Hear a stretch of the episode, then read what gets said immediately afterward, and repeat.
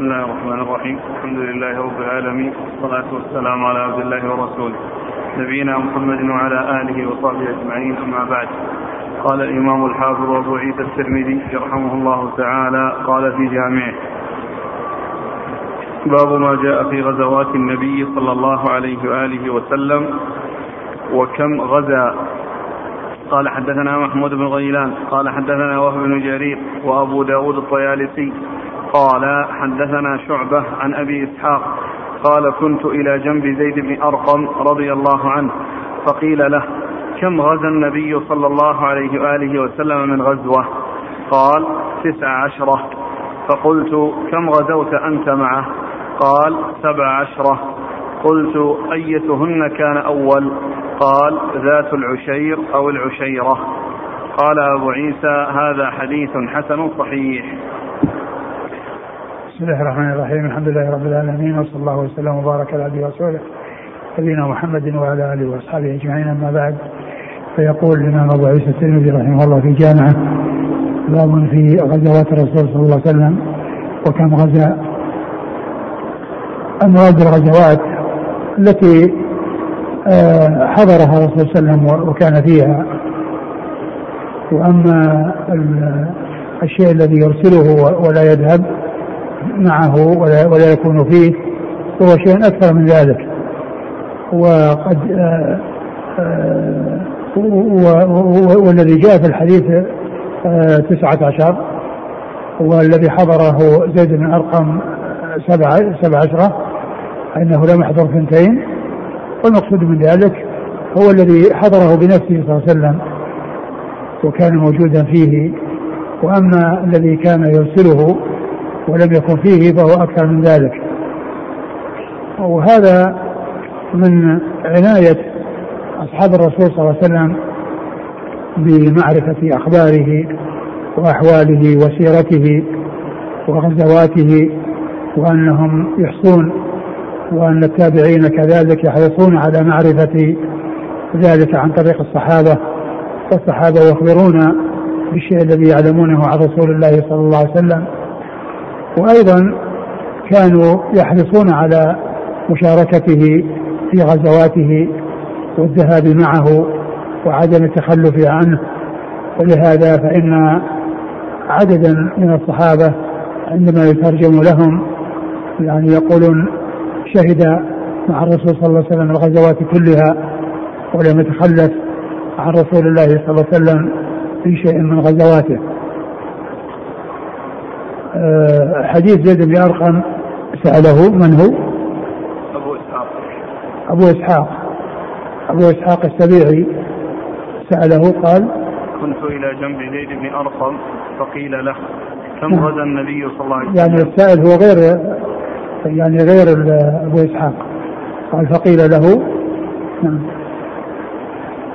كم غزا النبي صلى الله عليه وسلم من غزوة؟ نعم. كم غزا النبي صلى الله عليه وسلم من غزوة؟ أي عدد الغزوات التي غزاها رسول الله صلى الله عليه وسلم وكان فيها عليه الصلاة والسلام فقال تسع عشرة فسأله عن الذي حضره منها فقال إنها سبع عشرة أي أنه لم يتخلف إلا عن اثنتين منها و وقال أيها كان أول؟ قال العشيرة نعم. أو؟ ذات العشير. أو ذات؟ ذات العشير. نعم. أو العشيرة نعم ذات العشير أو العشيرة نعم قال حدثنا محمود بن غيلان ثقة أخرجه أصحاب الكتب الستة إلا أبا داود عن وهب بن جرير وهب بن جرير صدوق أخرجه أصحاب الكتب الستة ثقة ثقة أخرج أصحاب الكتب الستة. وأبو داود الطيالسي. أبو داود الطيالسي ثقة أخرجه البخاري تعليقا ومسلم وأصحاب السنة. عن شعبة. شعبة بن الحجاج ثقة أخرجه أصحاب الكتب الستة. عن أبي إسحاق. أبو إسحاق السبيعي الهمداني وعمرو بن عبد الله ثقة أخرجه أصحاب الكتب الستة. عن زيد بن أرقم. زيد بن أرقم رضي الله عنه أخرجه أصحاب الكتب الستة. من يكون السائل؟ ما أدري. هل يكون عبد الله بن يزيد في مستخرج الطوسي يقول عن أبي إسحاق أن عبد الله بن يزيد الأنصاري خرج يستسقي فصلى ركعتين ثم استسقى. فقلت لزيد بن أرقم وليس بيني وبينه إلا رجل أو رجلان. فقلت لزيد بن أرقم وليس بيني وبينه إلا رجل أو رجلان. أعد أعد. قال عن أبي إسحاق أن عبد الله بن يزيد الأنصاري خرج يستسقي فصلى ركعتين ثم استسقى. فقلت لزيد بن أرقم وليس بيني وبينه إلا رجل أو رجلان. كم غزا رسول الله صلى الله عليه وسلم؟ فقال تسع عشر غزوة. بس هذا ما فيه يعني آه أو يكون أبو إسحاق. أبو إسحاق هذا أقرب ما يكون اللفظ. له يعني عما نفسه. نعم. يعني لما قال قيل عما نفسه ما قال قلت له. إيه؟ يعني في الحديث الذي معنا نعم نعم عن أبي إسحاق قال نعم. كنت إلى جنب زيد بن أرقم. فقيل له نعم نعم يعني يمكن ابهم نفسه لأن العباره هذه الذي التي ذكرتها والتي سمعناها يعني ما ليس زيد ليس يزيد هو الذي سأل نعم الشارح نعم. قال الحافظ القائل هو الراوي أبو إسحاق أيوه. بينه إسرائيل بن يونس عن. أبي إسحاق كما سيأتي في آخر المغازي بلفظ سألت زيد بن أرقم. نعم. يعني هو أبو إسحاق وقوله قيل يعني أحيانا الراوي أو الصحابي يبهم نفسه. يأتي يعني في في أحاديث يعني يقول فيها يعني الصحابي قال رجل أو سأله رجل وهو نفسه الرجل. هو نفسه الرجل بس أبهم نفسه. نعم. قال رحمه الله تعالى باب ما جاء في الصف والتعبئة عند القتال. قال حدثنا محمد بن حميد الرازي. قال حدثنا سلمة بن الفضل عن محمد بن إسحاق عن عكرمة عن ابن عباس رضي الله عنهما عن عبد الرحمن بن عوف رضي الله عنه قال عبأنا النبي صلى الله عليه وآله وسلم ببدر ليلا. قال أبو عيسى وفي الباب عن أبي أيوب رضي الله عنه. قال وهذا حديث غريب لا نعرفه إلا من هذا الوجه. وسألت محمد بن إسماعيل عن هذا الحديث فلم يعرفه وقال محمد بن إسحاق سمع. وقال محمد بن إسحاق سمع من عكرمة. وحين رأيته كان حسن الرأي في محمد بن حميد الرازي. ثم ضعفه بعد. ثم رد أبو عيسى هذه الترجمة وهي قوله ما جاء في الصف والتعبئة عند القتال. ما جاء في الصف والتعبئة عند القتال. الصف يعني الصف للقتال و وكذلك التعبئة هي التهيئة. التعبئة هي التهيئة للقتال والاستعداد له.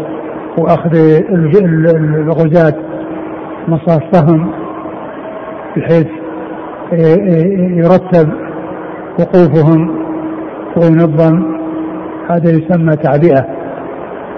و أورد في ذلك حديث عبد الرحمن بن عوف أنه في غزوة بدر النبي صلى الله عليه وسلم عبأهم ليلا يعني أنهم هيأهم وبين مواقعهم ومصافهم وهو في الليل.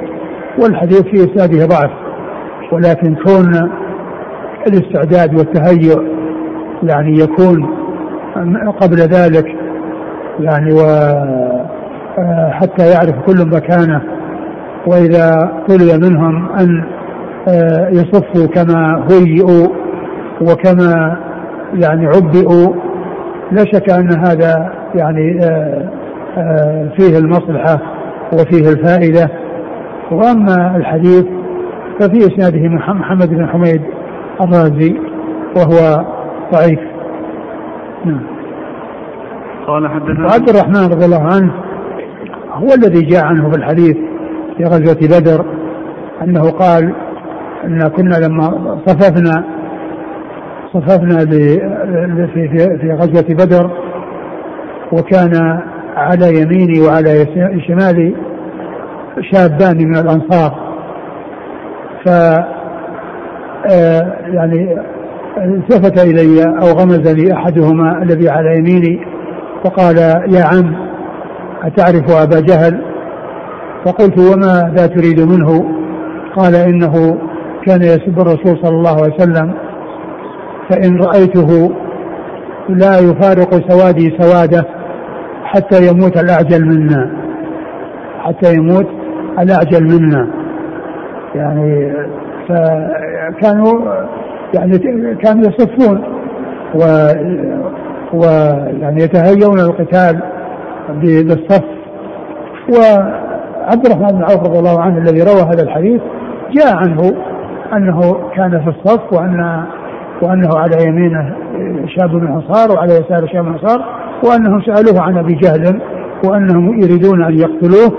واذا آه وأن وأن وأن لا يتركوه حتى يموت الاعجل الذي كتبت منيته اولا إما أبو جهل وإما يعني هذا الأنصاري الذي أراد قتل أبي جهل.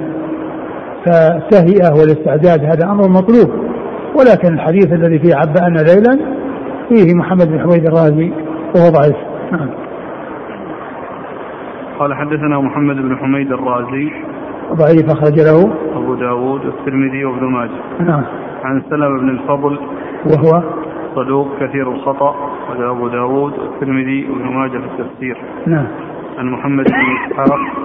ومحمد بن إسحاق المدني صدوق. أخرجه البخاري تعليقا ومسلم وأصحاب السنن. عن عكرمة. عكرمة مولى بن عباس وهو ثقة. أخرجه أصحاب في الستة. عن ابن عباس. وابن عباس عبد الله بن عباس رضي الله عنهما أحد العبادلة وأحد السبعة المكثرين من حديث رسول الله صلى الله عليه وسلم. عن عبد الرحمن بن عوف. عبد الرحمن بن عوف رضي الله عنه أحد العشرة المبشرين بالجنة وأخرج حديثه أصحاب الكتب الستة. وقد ذكرت فيما مضى أن العشرة المبشرين بالجنة كلهم أخرج لهم أصحاب الكتب الستة. وفي الباب عن أبي أيوب. أبو أيوب الأنصاري رضي الله عنه خالد بن زيد وهو وحديثه أخرجه أصحاب الكتب الستة. وسألت محمد بن إسماعيل عن هذا الحديث فلم يعرفه وقال محمد بن إسحاق سمع من عكرمة وحين رأيته كان حسن الرأي في محمد بن حميد الرازي ثم ضعفه بعد. أه محمد بن إسحاق أه يعني عيبه التدليس فإذا صرح بالسماع فحديثه حسن. وقول البخاري سمع لا أدري هل المقصود سمع هذا الحديث أو أنه سمع منه يعني أنه روى عنه وسمع منه. وهو هنا هنا بالعنعنة يعني ذكر رواية محمد بن إسحاق عن عكرمة. ولكن فيه محمد بن حميد الرازي وهو ضعيف وفيه شيخه الذي هو سلمة وهو صدوق كثير الخطأ. نعم. قال رحمه الله تعالى باب ما جاء في الدعاء عند القتال. قال حدثنا أحمد بن منيع قال حدثنا يزيد بن هارون قال أنبأنا إسماعيل بن أبي خالد عن ابن أبي أوفى رضي الله عنه أنه قال سمعته يقول يعني النبي صلى الله عليه وسلم يدعو على الأحزاب فقال اللهم منزل الكتاب سريع الحساب اهزم الأحزاب اللهم اهزمهم وزلزلهم. قال أبو عيسى وفي الباب عن ابن مسعود رضي الله عنه وهذا حديث حسن صحيح. ثم أبو عيسى باب الدعاء عند القتال. والدعاء عند القتال مطلوب لأن النصر من الله و و آه، المسلمون مطلوب منهم أن يعولوا على الله. وأن يسأل الله عز وجل أن ينصرهم على أعدائهم وأن آه، يؤيدهم بنصره وتسديده وتوفيقه. ومعلوم أن كل شيء بيد الله والناس عليهم أن يفعل الأسباب ويعولوا على مسبب الأسباب وهو الله سبحانه وتعالى لأن السبب إذا لم يحصل من إذا, لم يجعل الله ذلك السبب نافعا فإنه يتخلف المسبب. ولكن مع فعل الأسباب وفعل الجهود يعول على الله عز وجل ويلح عليه بالدعاء ويسأل ويطلب منه النصر والتأييد. وقد كان عليه الصلاة والسلام كما جاء في هذا الحديث يدعو بهذا الدعاء. على الأحزاب الذين تحزبوا وجاءوا إلى المدينة يريدون أن يأخذوا بالثأر مما حصل في بدر من هزيمتهم. وقد جاءوا إلى المدينة والرسول صلى الله عليه وسلم استعد لهم بوضع الخندق. ثم إن الله عز إنه دعا عليهم وأنزل الله عز وجل وأرسل عليهم الريح التي جعلتهم يفرون وهزمهم الله عز وجل وألقى في قلوبهم الرعب فذهبوا خائبين خاسرين. وهذا الدعاء الذي دعا به الرسول صلى الله عليه وسلم قال اللهم منزل الكتاب واللهم هذه معناها يا الله يا الله. حذفت يا النداء من أولها وعوض عنها ميم مشددة في آخر في آخر لفظ الجلالة. فصارت اللهم ولهذا لا يجمع بين العوض والمعوض. العوض الذي هو المعوض الذي هو ياء والعوض الذي هو الميم المشددة بل إما أن يقال يا الله أو يقال اللهم بدون ياء ولكنه يأتي في الشعر وفي ضرورة الشعر ولهذا يقول ابن مالك رحمه الله في الألفية والأكثر اللهم بالتعويض والأكثر اللهم بالتعويض وشذ يا اللهم في قريضي وشذ يا اللهم في قريضي يعني الجمع بين العوض والمعوض. منزل الكتاب الكتاب آه هو القرآن الذي أنزله الله على رسوله. ويمكن أن يكون أيضا المراد بالكتاب الجنس وهي الكتب التي أنزلها على رسله الكرام عليهم الصلاة والسلام. فإنه آه، يطلق يعني عليها آه، الكتاب يعني والكتاب آه، إذا حل بالألف واللام وهو مفرد فإنه يفيد العموم. وقد جاء في القرآن آيات عديدة فيها ذكر الكتاب يراد به الجنس. كما قال الله عز وجل آه ليس البر أن تولوا وجوهكم قبل المشرق والمغرب ولكن البر من امن بالله. ثم قال والملائكة والكتاب. والملائكة والكتاب يعني والكتب. وكذلك قول الله عز وجل قد أرسلنا رسلنا بالبينات وأنزلنا معهم الكتاب. فالمقصود بالكتاب كتب لأن الله ما أنزل كتابا واحدا على الرسل وإنما أنزل عليهم كتبا. كل رسول ينزل عليه كتاب. وكذلك قول الله عز وجل وأنزلنا إليك الكتاب بالحق مصدقا لما بين يديه من الكتاب أي من الكتب. يا أيها الذين آمنوا آمنوا بالله ورسوله. والكتاب الذي نزل على رسوله والكتاب الذي أنزل من قبل أي الكتب وقوله الكتاب يحتمل أن يكون مراد به الكتاب الذي هو القرآن الذي أنزله الله على رسوله وأن يكون يكون المقصود به الكتب التي أنزلها على رسل الكرام لهداية الخلق وإخراجهم بتلك الكتب التي أنزلها على رسله باخراجهم من الظلمات إلى النور. سريع الحساب يعني ان أن أن أن الحساب يعني حصوله أو أنه قريب حصوله أو أن يعني أنه يحصل منه آه، محاسبة الناس ولا يعني آه، يحول شيء أحد عن أحد بل هو سبحانه وتعالى يحاسبهم يعني كما يشاء ويعني ولا يكون حسابه مثل حساب غيره. الذين كل يكون يعني هذا بعد هذا. والله عز وجل ينهي حسابهم ويحاسبهم كما يشاء وهو على كل شيء قدير. اهزم الأحزاب وهذا هو المطلوب وهذا الذي آه، آه، ذكر قبل ذلك توسل الله عز وجل بكونه منزل الكتاب وكونه هازم الأحزاب. ولهذا من أسباب قبول الدعاء أن يسبقه التوسل إليه بصفاته أو بأسمائه أو ربوبيته لبعض مخلوقاته الذين لهم شرف كما جاء في الحديث اللهم رب جبريل وميكائيل وإسرافيل اللهم رب جبريل وميكائيل وإسرافيل. واسأل الله عز وجل بربوبيته لهؤلاء الملائكة الذين هم موكلون بأنواع الحياة. جبريل موكل بالقطر بالوحي وميكائيل آه، موكل بالمطر وإسرافيل موكل بالموت بالإحياء يعني بنفس الصور الذي فيه الحياة بعد الموت. فهي أنواع الحياة. فتوصل الله عز وجل بأسمائه وبصفاته وبأفعاله هذا من أسباب قبول الدعاء.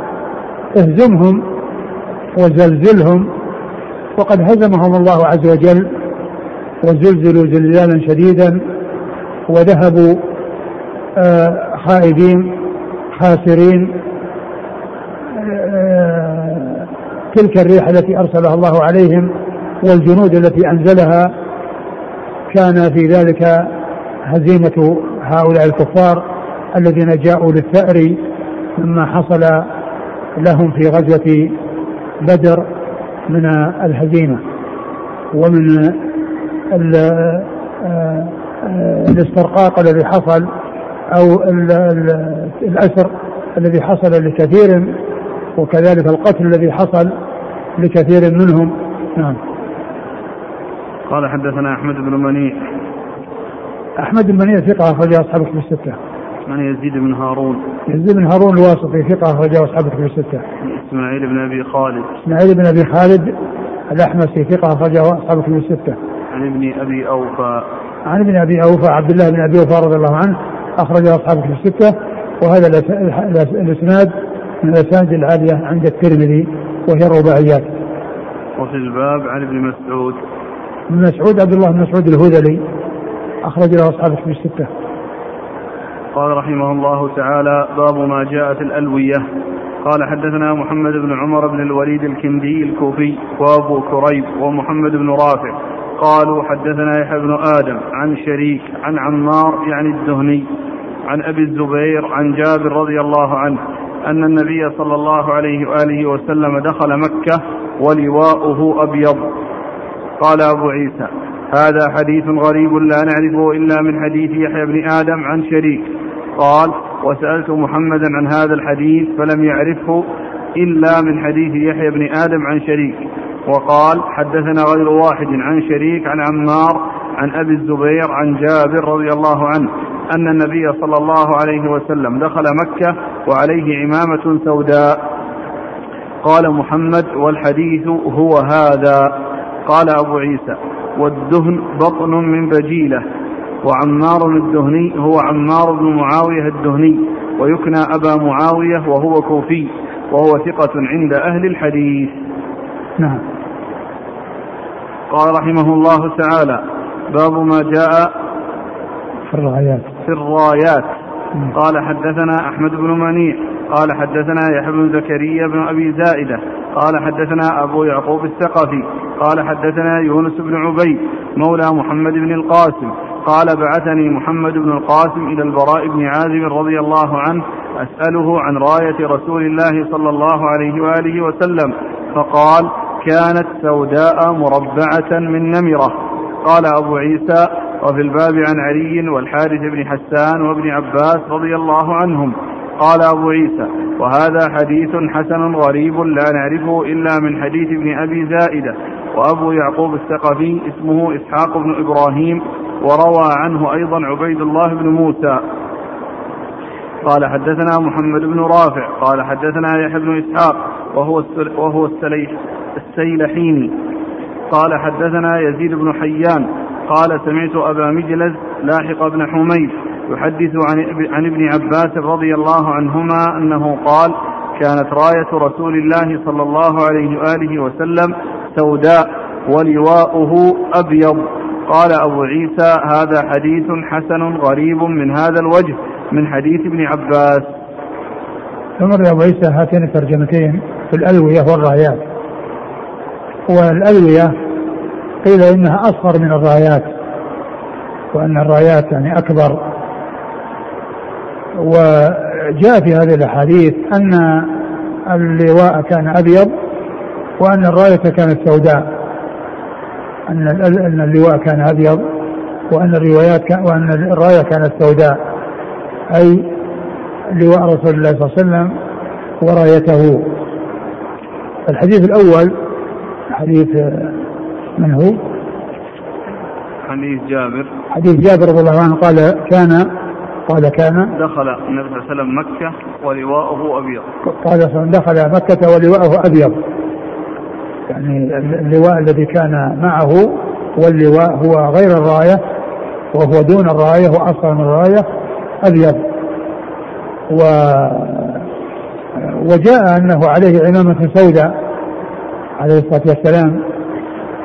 وجاء في الحديث الآخر الذي يعني ذكره آخرا أن لواءه أبيض ورايته سوداء. يعني مما يبين الفرق بين اللواء والراية وأن اللواء أبيض وأن الراية سوداء. فالذي جاء في هذا الحديث من كونه أبيض يعني يؤيده ويدل عليه الحديث الآخر الذي قال إن لواءه أبيض. وأما الراية فإنها جاءت أنها سوداء.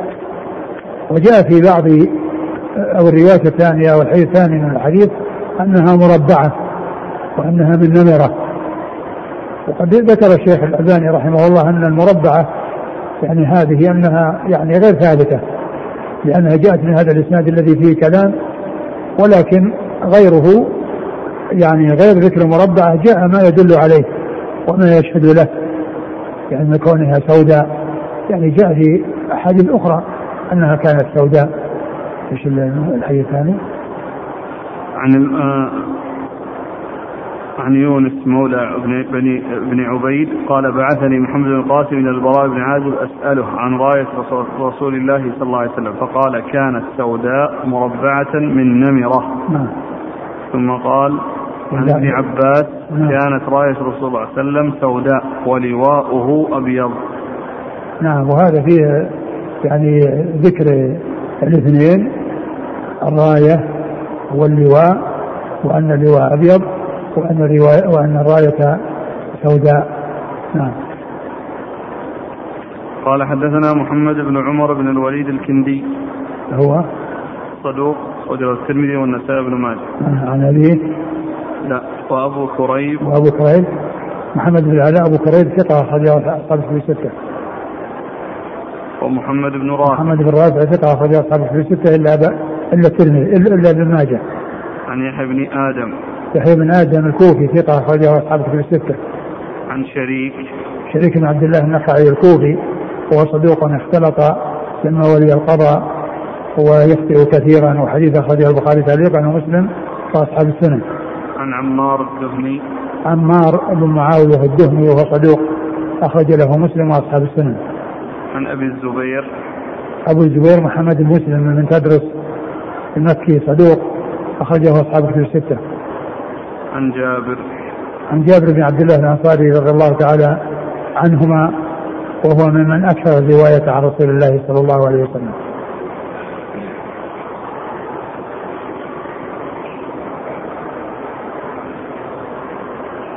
قال محمد بن إسماعيل. حدثنا غير واحد عن شريك عن عمار عن أبي الزبير عن جابر أن النبي صلى الله عليه وسلم دخل مكة وعليه عمامه سوداء. قال محمد والحديث هو هذا. نعم يعني ان ان انه جاء الذي يعني ثابت يعني أنه دخل وعليه عمامة سوداء ولكن الحديث هذا الذي فيه ذكر الراية وانها بيضاء آه، اللواء وأنه أبيض يعني جاء ما يدل عليه ويؤيده. نعم. والدهن بطن من بجيلة وعمار الدهني هو عمار بن معاوية الدهني يكنى أبا معاوية. يعني كلمة عمار الدهني يعني هذه نسبة قبيلة يعني الدهن يعني بطن من بجيلة. وبجيلة هم الذين منهم جرير بن عبد الله البجلي رضي الله عنه. وغيره. قال حدثنا أحمد بن منيع عن يحيى بن زكريا. قال قال عن عمار إيش؟ هو عمار بن معاوية الدهني يكنى أبا معاوية. يعني كنيته تماثل اسم أبيه. يعني كنيته اسمه كنيته مثل مثل توافق اسم أبيه. وهذا نوع من أنواع علوم الحديث. فائدته أنه الا يظن التصحيح بين أبو وإبن. لو قيل عمار آه، أبو معاوية. أو قيل عمار بن معاوية. كل ذلك صحيح.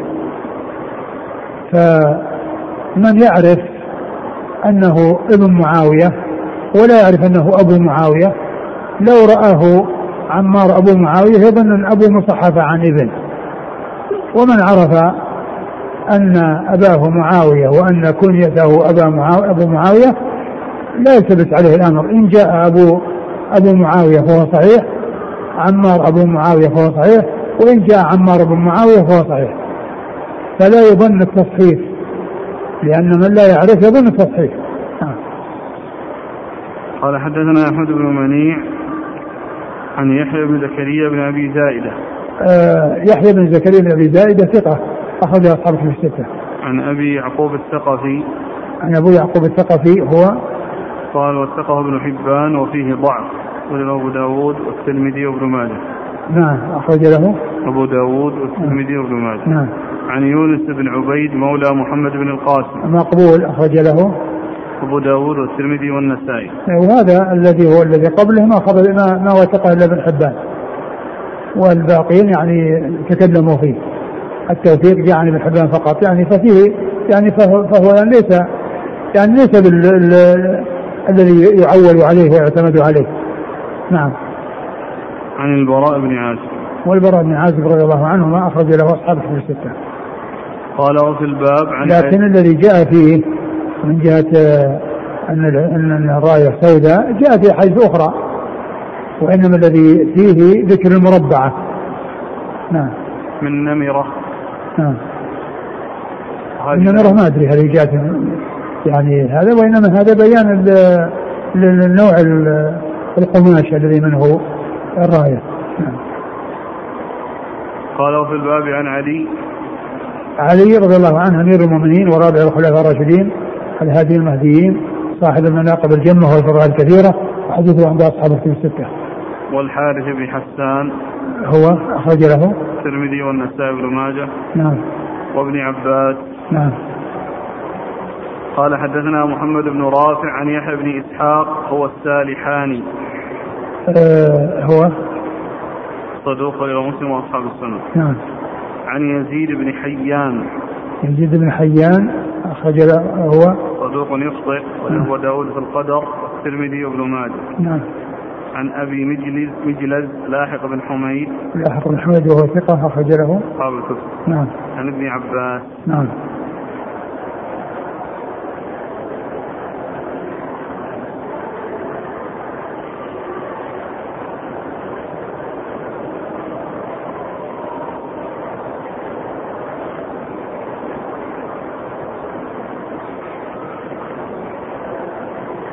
جاءت أسئلة عن آه، لبس العمامة السوداء في هذا الوقت وهل هذا يعتبر سنة ويقتدى بها به صلى الله عليه وسلم في اللباس اللباس يعني كما هو معلوم من الألبسة المعتادة التي يعتادها الناس والناس يلبسون يعني ما يشاءون بشرط أن لا يشابهوا الكفار في ألبستهم فلهم أن يلبسوا العمامة أي عمامة من أي لون من الألوان. ولهم أن يلبسوا قميص وأن يلبسوا الإزار والرداء وأن يعني يلبسوا الأثواب التي يلف نفسه بقماش الذي يطلق عليه ثوب. كل هذا من أنواع آه، اللباس التي ولكن الإنسان لا يخرج على الناس بشيء قد يعني لم يعتاده هو. ولم يعتاده أهل بلده لأن هذا قد إذا حصل من إنسان يعني آه، آه، كان على هيئة معينة ثم خرج بهيئة أخرى قد يساء الظن بعقله يعني وأن عنده يعني شيء من الخلل. ولكن الإنسان يعني يلبس مثل ما يلبس أهل بلده ومثل ما اعتاد أهل بلده بشرط أن لا يكون مشابها للكفار. يقول هل كان لواء النبي صلى الله عليه وسلم مكتوب عليه شيء مثل لا إله إلا الله لا لا أدري. ما لا لا. يقول ماذا يقصد بالقول أن من شروط الجهاد أن يكون تحت راية؟ ما المراد الآن؟ الراية. المقصود بالراية أن يكون يعني في إمام وأن يعني يكون يعني ومعلوم أن أن الجهاد بتلك الطريقة يكون فيه راية. مثل ما مثل ما جاء في حديث عن علي رضي الله عنه أعطاه الراية. أعطاه الراية وقال انفذ على رسلك. نعم. قال رحمه الله تعالى باب ما جاء في الشعار. قال حدثنا محمود بن غيلان. قال حدثنا وكيع. قال حدثنا سفيان عن أبي إسحاق عن المهلب بن أبي صفرة عمن سمع النبي صلى الله عليه وآله وسلم يقول إن بيتكم العدو فقولوا حاميم لا ينصرون. قال أبو عيسى وفي الباب عن سلمة بن الأكوع رضي الله عنه وهكذا روى بعضهم عن أبي إسحاق مثل رواية الثوري وروي عنه عن المهلب بن أبي صفرة عن النبي صلى الله عليه وسلم مرسلا. ثم أبو عيسى باب في الشعار والشعار المقصود له العلامة التي يتفق يعني الجيش عليها بحيث يعرف كل منهم أن هذا من أصحابه. عندما يذكر تلك الكلمة التي هي كلمة سر اتفقوا عليها واختاروها فإذا اختلطوا بالكفار ولم يكن متميز المسلم من الكافر فإن المسلم يعني يعرف يعرف من هو معه ومن هو منه بهذه الكلمة إذا سمعها منه لأنهم كانوا اتفقوا عليها وهي كلمة سر اختاروها بحيث يعني إذا ذكرها واحد منهم عرفوا أنه منهم عرفوا أنه منهم وهذا إنما يكون يعني فيما إذا حصل اختلاط بين المسلمين والكفار في في الوغاء. فإذا يعني أقبل واحد على الآخر بالسيف وذكر له الكلمة التي اتفقوا عليها وهي السر آه، يكف عنه ويعرف أنه من أصحابه وليس من أعدائه. فمثل هذا الشعار يتخذ لمعرفة من هم منهم وحتى لا لا ينالوهم بأذى يظنون أنهم أعداءهم. وقد أورد أبو عيسى هذا الحديث عن رجل من أصحاب النبي صلى الله عليه وسلم أن قال أن قال صلى الله عليه وسلم إن بيتكم العدو فقولوا حاميم لا ينصرون. فقولوا حاميم لا ينصرون. يعني هذه الكلمة هي الكلمة هي الكلمة الشعار أو العلامة التي يعرف كل آه، صاحبه بها إذا قالها. فإذا أقبل عليه يعني يريد أن يقتله وهو لا يعرفه بكثرة الجيش وكثرة الجنود وقال هذه الكلمة عرف أنه منه وأنه ليس من أعدائه. وهذا إنما يكون في, في, في الاختلاط والامتزاج بين المسلمين وأعدائهم. وهذا يدل على أنه آه يكون هناك شيء شعار يعني يعرفه أو يعبر به أي واحد منهم عند الحاجة إلى ذلك. التي هي كلمة التي هي الشعار وهي كلمة سر يتفقون عليها. حاميم لا ينصرون. وقد جاء في بعض الأحاديث أن أن أن أن الصحابة كانوا غزوا مع أبي بكر في زمن النبي صلى الله عليه وسلم وكان شعارهم أمت أمت. وكان شعارهم أمت أمت. نعم. هذا وهذا يعني ثابت في سنن أبي داود. نعم. قال حدثنا محمود بن غيلان عن وكيع. أه وكيع هو ابن الجراح الرؤاسي الكوفي ثقة أخرجه أصحاب في الستة. عن سفيان. سفيان هو الثوري ثقة أخرج أصحاب الكتب الستة. عن أبي إسحاق. هو السبيعي مر ذكره. عن المهلب بن أبي صفرة. وهو ثقة أخرج له. أبو داود والترمذي والنسائي. نعم. عمن سمع النبي صلى الله عليه وسلم. نعم. قال وفي الباب عن سلمة بن الأكوع. سلمة بن الأكوع رضي الله عنه أخرج له أصحاب الكتب الستة.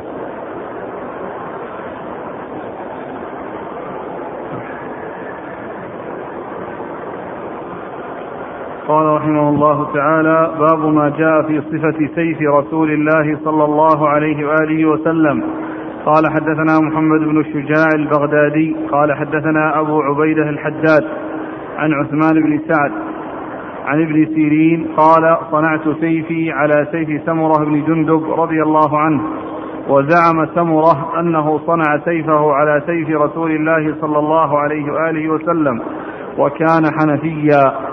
قال أبو عيسى هذا حديث غريب لا نعرفه إلا من هذا الوجه. وقد تكلم يحيى بن سعيد القطان في عثمان بن سعد الكاتب وضعفه من قبل حفظه. ثم ورد أبو عيسى باب في سيف صفة سيف في رسول صفة سيف رسول الله صلى الله عليه وسلم. أورد أبو عيسى هذا الحديث في سيف رسول الله صلى الله عليه وسلم. وهو أن محمد بن سيرين قال صنعت صنعت سيفي على صفة آه، سيف آه، سمرة بن جندب وزعم سمرة أنه أنه صنعه على آه، على سيف رسول الله صلى الله عليه وسلم. وزعم هنا بمعنى الخبر المحقق. يعني لأن زعم تأتي بمعنى الخبر المحقق وهذا منه.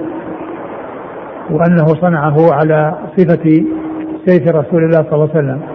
وما ذكرت الصفة التي هو عليها ولكن أن الصحابي آه، صنعه على صفة سيف النبي صلى الله عليه وسلم والتابعي صنع سيفه على صفة سيف الصحابي الذي جعله على صفة سي- سيف النبي صلى الله عليه وسلم. والحديث آه، ضعيف لأن في إسناده من هو متكلم فيه. نعم. وكان حنفيا. وكان حنفيا قيل إنها نسبة إلى بني حنيفة يعني سيوف نوع من السيوف. وقيل يعني إيه، إلى ال- الأحنف بن قيس يعني ذكر الشارح عن هذا الشيء إن هذه النسبة إنما هي إلى الجهة الصانعة أو الجهة التي يعني جاء منها ذلك السيف شفت على الشارح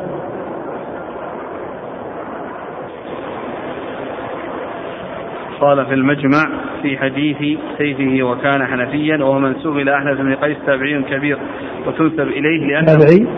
تابعي كبير. نعم. وتنسب إليه لأنه أول من أمر باتخاذها والقياس أحنفي. وقال في هامش النسخة الأحمدية قوله حنفيا أي على هيئة سيوف بني حنيفة قبيلة مسيلمة لأن صانعه منهم أو ممن يعمل كعملهم.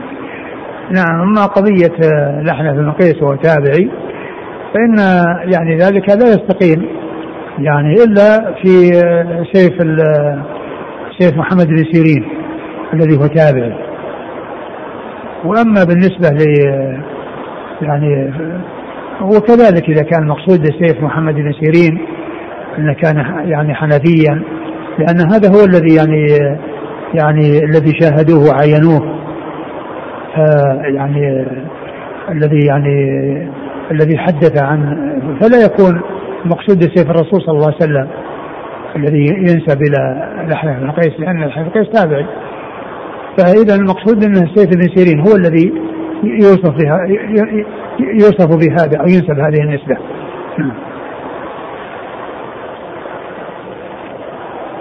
قال حدثنا محمد بن شجاع البغدادي آه هو؟ ثقة أخرجه الترمذي والنسائي. نعم. عن أبي عبيدة الحداد. وهو؟ آه، ثقة أخرج له البخاري وأبو داود والترمذي والنسائي. نعم. عن عثمان بن سعد. وهو ضعيف أخرج له؟ وأبو داود والترمذي. نعم. عن ابن سيرين. ابن سيرين محمد بن سيرين ثقة اخرجه أصحابه في الستة. عن سمرة بن جندب. بن جندب رضي الله عنه أخرج له أصحابه في الستة.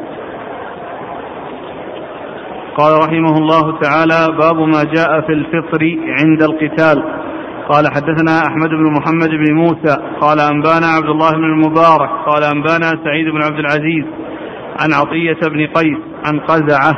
عن أبي سعيد الخدري رضي الله عنه أنه قال لما بلغ النبي صلى الله عليه وآله وسلم لما بلغ النبي صلى الله عليه وآله وسلم عام الفتح مر الظهران فآذن فآذننا بلقاء العدو فأمرنا بالفطر فأفطرنا أجمعون. قال أبو عيسى هذا حديث حسن صحيح وفي الباب عن عمر. ثم أبو عيسى باب الفطر عند اللقاء. الفطر عند القتال. عند القتال.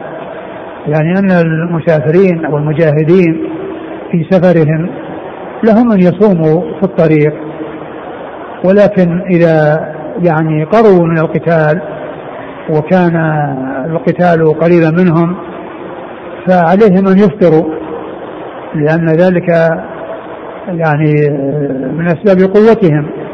أما إذا كانوا صائمين وصاروا يقاتلون وهم صائمون فإن يعني يكون فيهم الضعف يكون فيهم الضعف.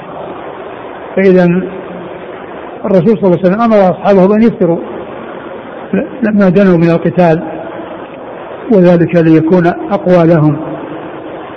أما إذا كان القتال لم يحصل ولم يدنو ولم يكن قريبا فلمن يصوم؟ فلمن أراد أن يصوم؟ أن يصوم. قد جاء في الحديث الحديث الذي مرت من صام يوما في سبيل الله بعد الله وجهه عن النار سبعين خريفا. نعم. قال حدثنا أحمد بن محمد بن موسى. وهو ابن مردوية أخرج له. البخاري والترمذي والنسائي. نعم. عن عبد الله بن مبارك. المروزي وهو ثقة أخرجه أصحابه في الستة. عن سعيد بن عبد العزيز. وهو ثقة أخرج له. خالد المفرد ومسلم وأصحاب السنن. نعم. عن عطية بن قيس. وهو ثقة أخرج البخاري تعليقا ومسلم وأصحاب السنن. نعم. عن قزعة. عن قزعة وهو ثقة. أخرجه أصحاب الكتب- الستة. عن أبي سعيد. عن أبي سعيد الخدري سعد بن مالك بن سنان رضي الله عنه وهو من السبعة المكثرين من حديث رسول الله صلى الله عليه وسلم. لما قال لما بلغ النبي صلى الله عليه وسلم عام الفتح مر الظهران. مر الظهران هو ولا يقال له وادي فاطمة ويقال له الجموم الآن.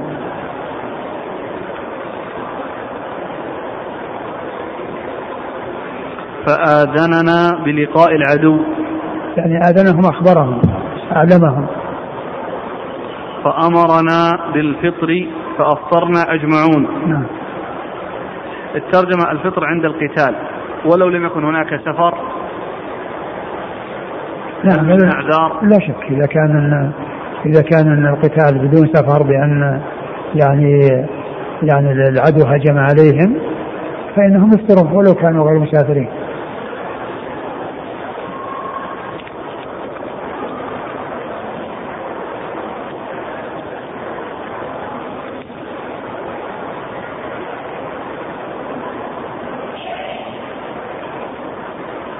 قال وفي الباب عن عمر. عمر بن الخطاب رضي الله عنه أمير المؤمنين وثاني الخلفاء الراشدين الهاديين المهديين صاحب المناقب الجمة والفضائل الكثيرة وحديثه عند أصحاب الكتب الستة.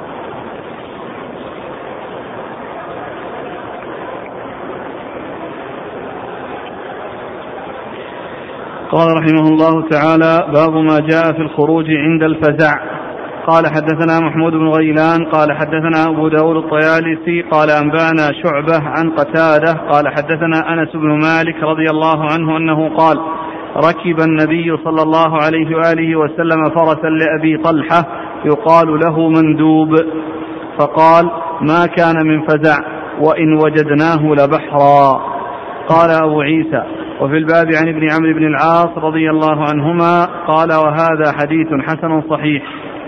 قال حدثنا محمد بن بشار قال حدثنا محمد بن جعفر وابن أبي عدي وأبو داود قالوا حدثنا شعبة عن قتادة عن أنس بن مالك رضي الله عنه أنه قال كان فزع بالمدينة فاستعار رسول الله صلى الله عليه وآله وسلم فرسا لنا يقال له مندوب فقال ما رأينا من فزع وإن وجدناه لبحرا. قال أبو عيسى هذا حديث حسن صحيح. قال حدثنا قتيبة قال حدثنا حماد بن زيد عن ثابت عن أنس, عن أنس رضي الله عنه أنه قال كان النبي صلى الله عليه وآله وسلم من أجرأ الناس وأجود الناس وأشجع الناس. قال وقد فزع أهل المدينة ليلا وقد فزع أهل المدينة ليلة سمعوا صوتا. قال فتلقاهم النبي صلى الله عليه وآله وسلم على فرس لأبي طلحة عري وهو متقلد سيفه فقال لم تراعوا لم تراعوا. فقال النبي صلى الله عليه وآله وسلم وجدته بحرا يعني الفرس. قال أبو عيسى هذا حديث صحيح. ثم ورد أبو عيسى رحمه الله هذه الترجمة باب الخروج عند الفزع نعم.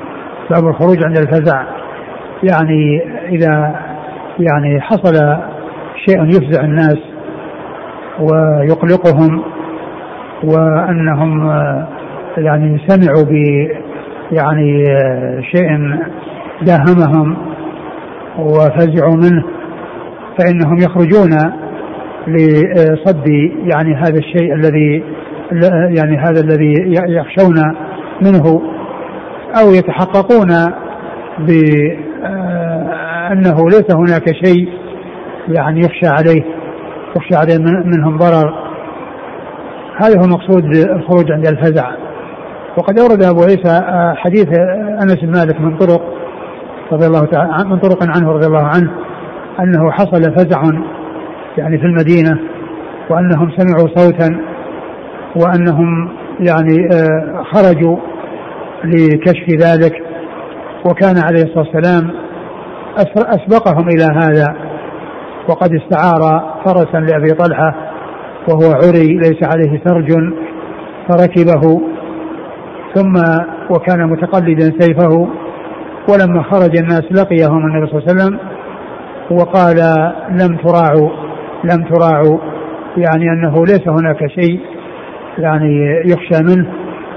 ثم مدح الفرس الذي كان قد استعاره من أبي طلحة وقال وإن وجدناه لبحرا يعني أنه سريع الجري وسريع العدو وأنه مثل البحر يعني في في في في في في, في, في سعته وفي سرعة حركته. ف فكان عليه والسلام هو أسبق الناس يعني إلى يعني كشف هذا الأمر الذي فزعوا منه ولقيهم وهم ذاهبون مخبرا لهم عليه الصلاة والسلام بأنه ليس هناك شيء يعني يخيفهم وأنهم لم يراعوا وكرر ذلك عليه الصلاة والسلام. وجاء في بعض الروايات أنه من أجرع الناس وأشجع الناس و أجود الناس. وأجود الناس. فهكذا في لفظ أجرى وفي بعضها يعني أحسن يعني آه، آه، آه، أحسن الناس يعني بدل أجرع الناس. وفي بعض النسخ بدون من يعني أنه كان أحسن الناس وكان أجود الناس وكان أشجع الناس عليه الصلاة والسلام. و كثير من النسخ جاءت بهذه الصيغة. وأما نسخة ال نسخة ال الشرح فكان أحسن الناس وأجود الناس وأشجع الناس عليه الصلاة والسلام. وكونه يعني أجود الناس وأشجع الناس لا شك أن هذه صفات عليه الصلاة والسلام لأن كل كمال يعني يليق بالإنسان فللنبي صلى الله عليه وسلم منه الحظ الأكبر والنصيب الأوفر عليه الصلاة والسلام. كل كمال يليق بالإنسان فالرسول صلى الله عليه وسلم له له الحد الأعلى منه والكمال فيه عليه الصلاة والسلام. فهو أشجع الناس وهو أجود الناس. وقد جاء في حديث ابن عباس الذي في الصحيحين كان رسول الله صلى الله عليه وسلم أجود الناس وكان أجود ما يكون في رمضان حين يلقاه جبريل فيدارسه القرآن. فرسول الله صلى الله عليه وسلم حين يدارس القرآن أجود بالخير من الريح المرسلة. صلوات الله وسلامه وبركاته عليه. فكل صفات صفات الكمال التي يعني هي كمال في الإنسان الرسول صلى الله عليه وسلم له منها أكملها وأعلاه أكمل له الأكمل والأعلى منها. صلوات الله وسلامه وبركاته عليه. نعم. قال حدثنا محمود بن غيلان عن أبي داود الطيالسي. أبو داود الطيالسي هو سليمان بن داود ثقة أخرجه البخاري تعليقا ومسلم وأصحاب السنة. عن شعبة نعم. عن قتادة نعم. عن أنس. نعم.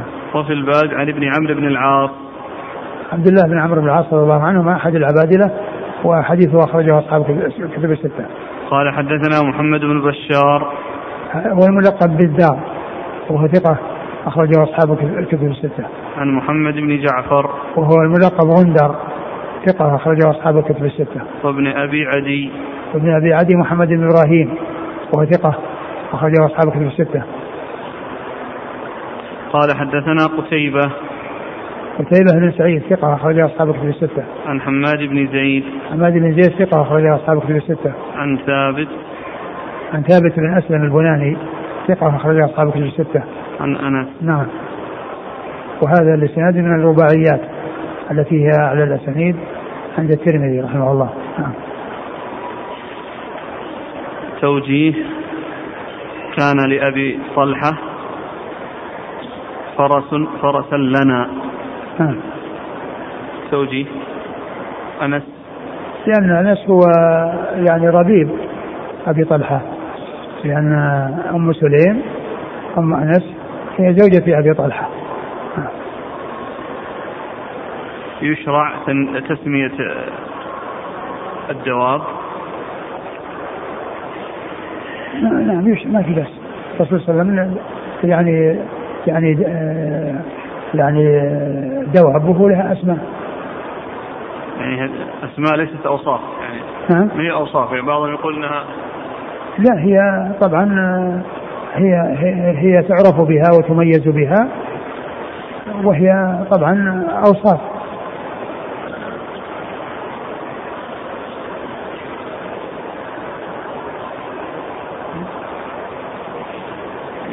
لانها يعني بعضها ما له وش. يعني مثلا الإجابة في حديث معاذ كنا على حمار يقال له عفير في مشبه وفي صفة هنا الآن؟ لا هذا اسم. مثل هنا مندوب. وكذلك يعني مندوب لكنه قيل قيل إنه مندوب انه فيه من الندبة وهي جرح وكذا وقيل له معنى آخر أيضا ذكره الشارح يعني فيه معنى آخر يعني أنه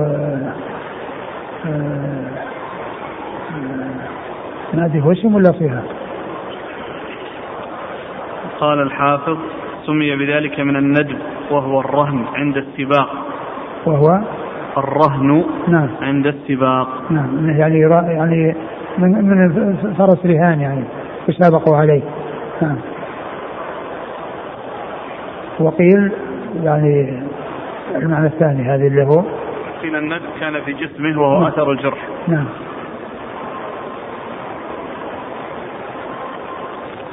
على فرس لأبي طلحة عري.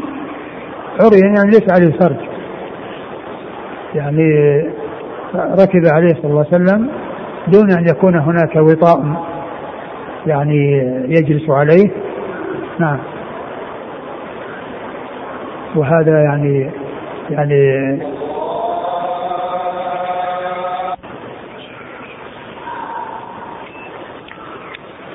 قوله عري يعني ليس عليه سرج ومعلوم أن الفرس إذا كان عليه سرج فهو يعني يكون في, اريح وأسهل وأيسر للراكب مما إذا كان عريا.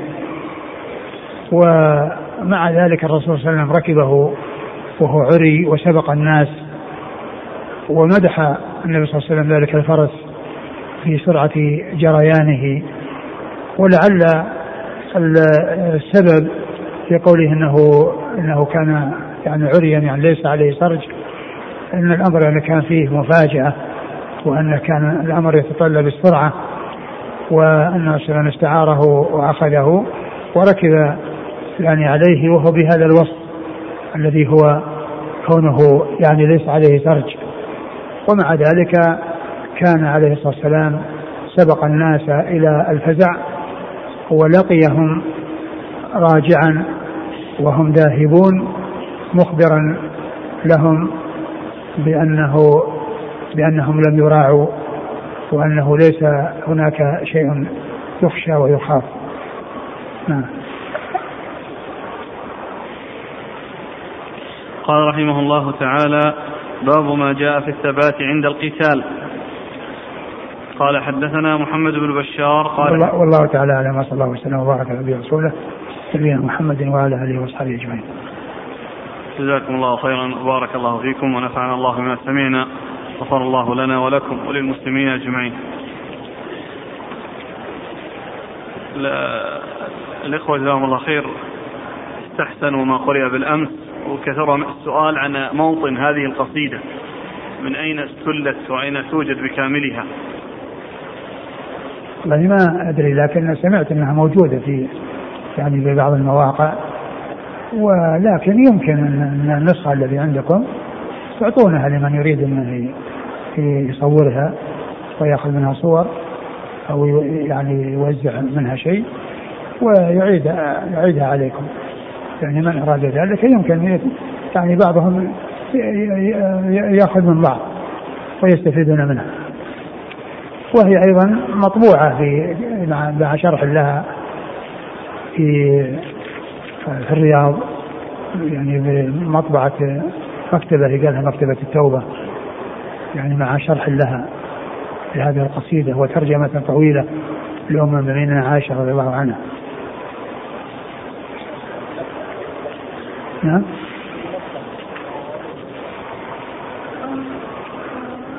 هو الذي موجود في اللي موجود في الرسالة المطبوعة أبو عمران موسى بن محمد بن عبد الله الواعظ الأندلسي. وأما ال ال الأوراق التي فيها القصيدة مكتوبة بهيج الأندلسي. وما أدري يعني وش يعني هذه الكلمة كيف جاءت وهل لها أصل أو لا.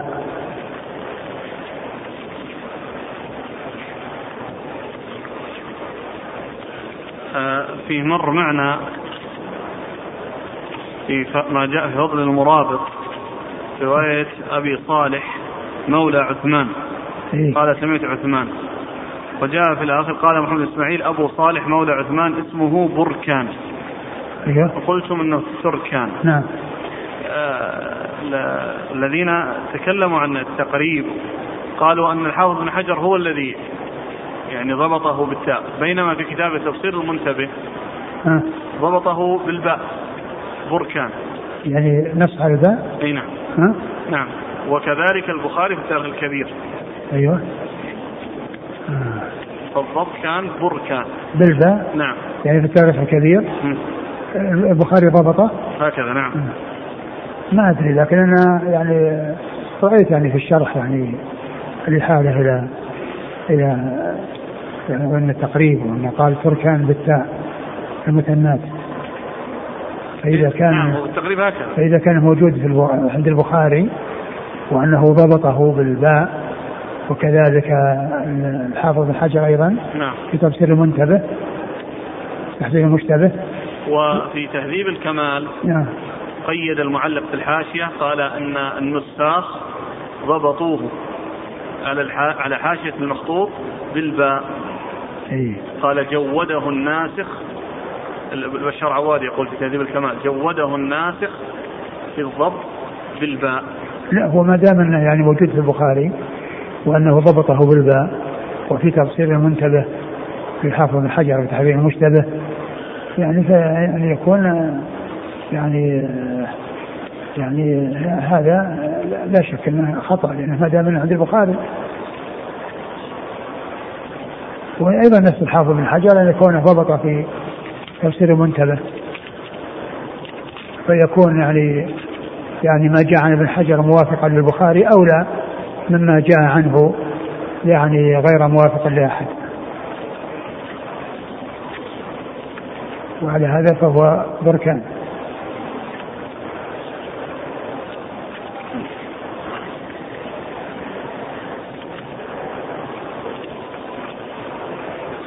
هذا الأخ يفيد يقول قصيدة موجودة في كتاب لقاء العشر الأخير بالمسجد الحرام. إيش؟ كتاب بهذا العنوان. القصيدة ها.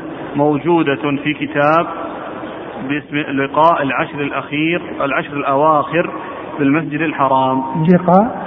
لقاء العشر. لقاء؟ نعم. ها. لقاء العشر الأواخر بالمسجد الحرام بعنوان القصيدة الوضاحية لابن بهيج. إيش القصيدة؟ هكذا كتب الوضاحية إيه. لابن بهيج. أخاف أنها ماخوذة من الأوراق منها من هذا. إذا كان الأمر كذلك. لقاء العشر الأواخر إيش لقاء العشر الأواخر؟ هذا يعني ملتقى ولا إيش يعني؟ اي نعم.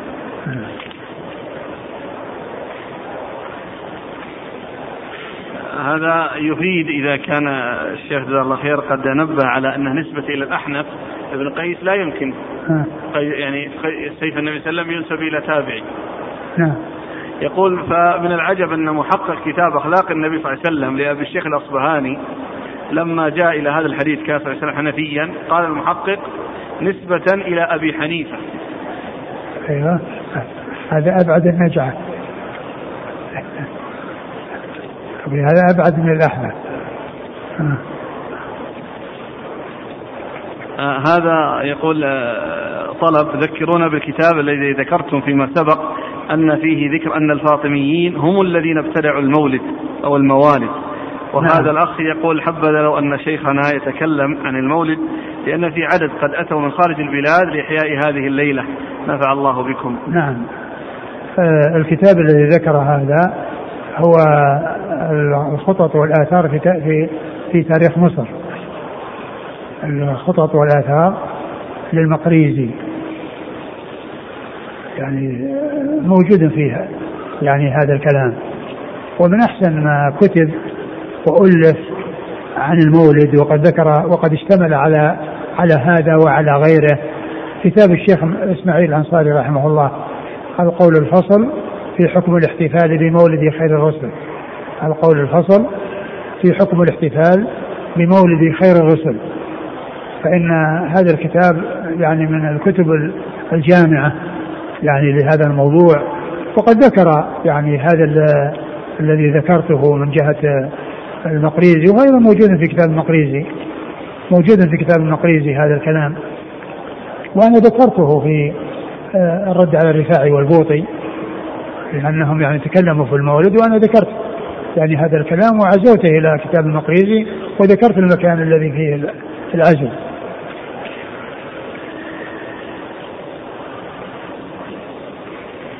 وإن شاء الله نتكلم على على هذا في الليلة الآتية إن شاء الله. جزاكم الله خيرا. سبحانك اللهم وبحمدك. أشهد أن لا إله إلا أنت.